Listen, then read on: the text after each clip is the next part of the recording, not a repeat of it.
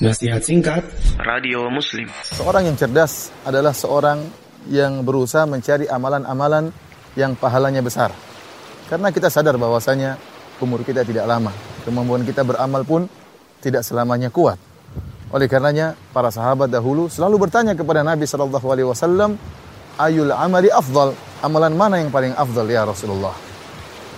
Di antara amalan yang afdal yang hendaknya kita lakukan adalah berakhlak yang mulia berakhlak mulia adalah amalan yang sangat luar biasa. Dalam hadis kata Nabi sallallahu alaihi wasallam, "Laisa syai'un athqalu fil mizan min husnil khuluq." Tidak ada amalan yang paling berat timbangannya di akhirat kelak seperti akhlak yang mulia. Ini menunjukkan bahwasanya akhlak yang mulia jika diletakkan di timbangan di akhirat kelak sangat berat. Kemudian juga Nabi Shallallahu Alaihi Wasallam dalam hadisnya pernah berkata, Inna rajula la yudriku bi husni khuluqihi darajat as-saimil qaim. Sungguhnya seorang dengan akhlaknya yang mulia bisa meraih derajat seorang yang senantiasa puasa sunnah dan senantiasa sholat malam. Orang ini mungkin jarang sholat malam. Orang ini mungkin bahkan tidak sholat malam. Orang ini mungkin bahkan tidak puasa sunnah.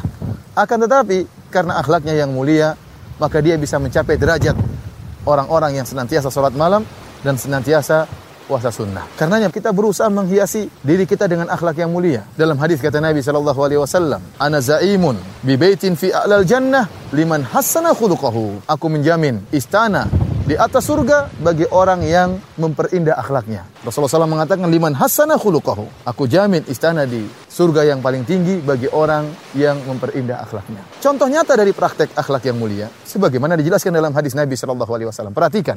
Rasulullah sallallahu alaihi wasallam bersabda, akrabukum minni majlisan yaumal qiyamah ahasinukum akhlaqa. Orang yang paling dekat dengan aku pada hari kiamat kelak siapa? Ahasinukum akhlaqa yaitu orang yang paling baik akhlak. Kemudian Nabi SAW menjelaskan siapa orang yang paling baik akhlaknya. Kata Nabi SAW al-muwatti'una aknafan alladzina ya'lafun wa yu'lafun yaitu orang-orang yang bentangkan tangan-tangan mereka yaitu orang-orang yang mudah untuk bergaul dan mudah untuk diajak bergaul. Ternyata di antara akhlak yang mulia adalah mudah untuk bergaul.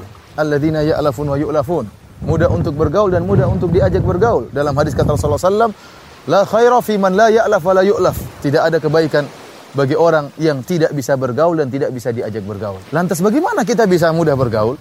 Tentunya jika kita murah senyum, jika kita ramah tamah, tidak sombong, tidak angkuh, menghargai orang lain, agar kita bisa mudah bergaul agar orang tertarik dengan kita. Terutama tatkala kita ingin berdakwah, kita ingin masyarakat menerima dakwah kita. Maka janganlah kita menjadikan cara kita seakan-akan eksklusif yang membuat orang enggan untuk dekat dengan kita. Bagi Anda yang berpenampilan islami dengan jenggot yang panjang, jadilah Anda lebih manis dengan jenggot Anda. Jadilah Anda lebih manis dengan jenggot Anda. Murah senyum.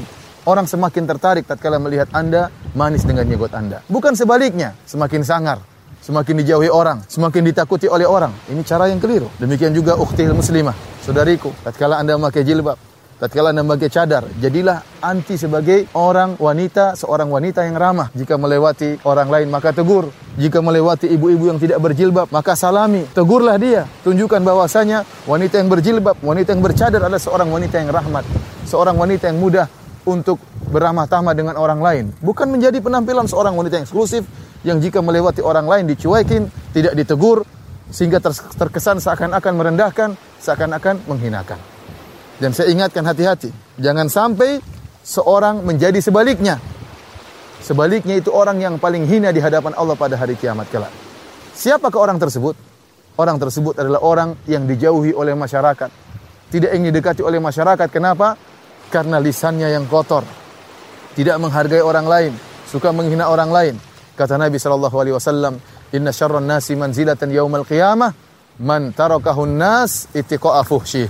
Sungguhnya orang yang paling buruk kedudukannya pada hari kiamat kelak adalah orang yang ditinggalkan oleh manusia, ditinggalkan oleh masyarakat ittiqa'a fuhsyih karena mereka tidak ingin disakiti oleh lisannya yang kotor. Dalam riwayat yang lain ittiqa'a syarrih karena manusia ingin menjauh dari keburukannya. Karenanya manislah Anda dengan jenggot Anda dan indahlah anti dengan jilbab anti dan cadar anti di hadapan masyarakat.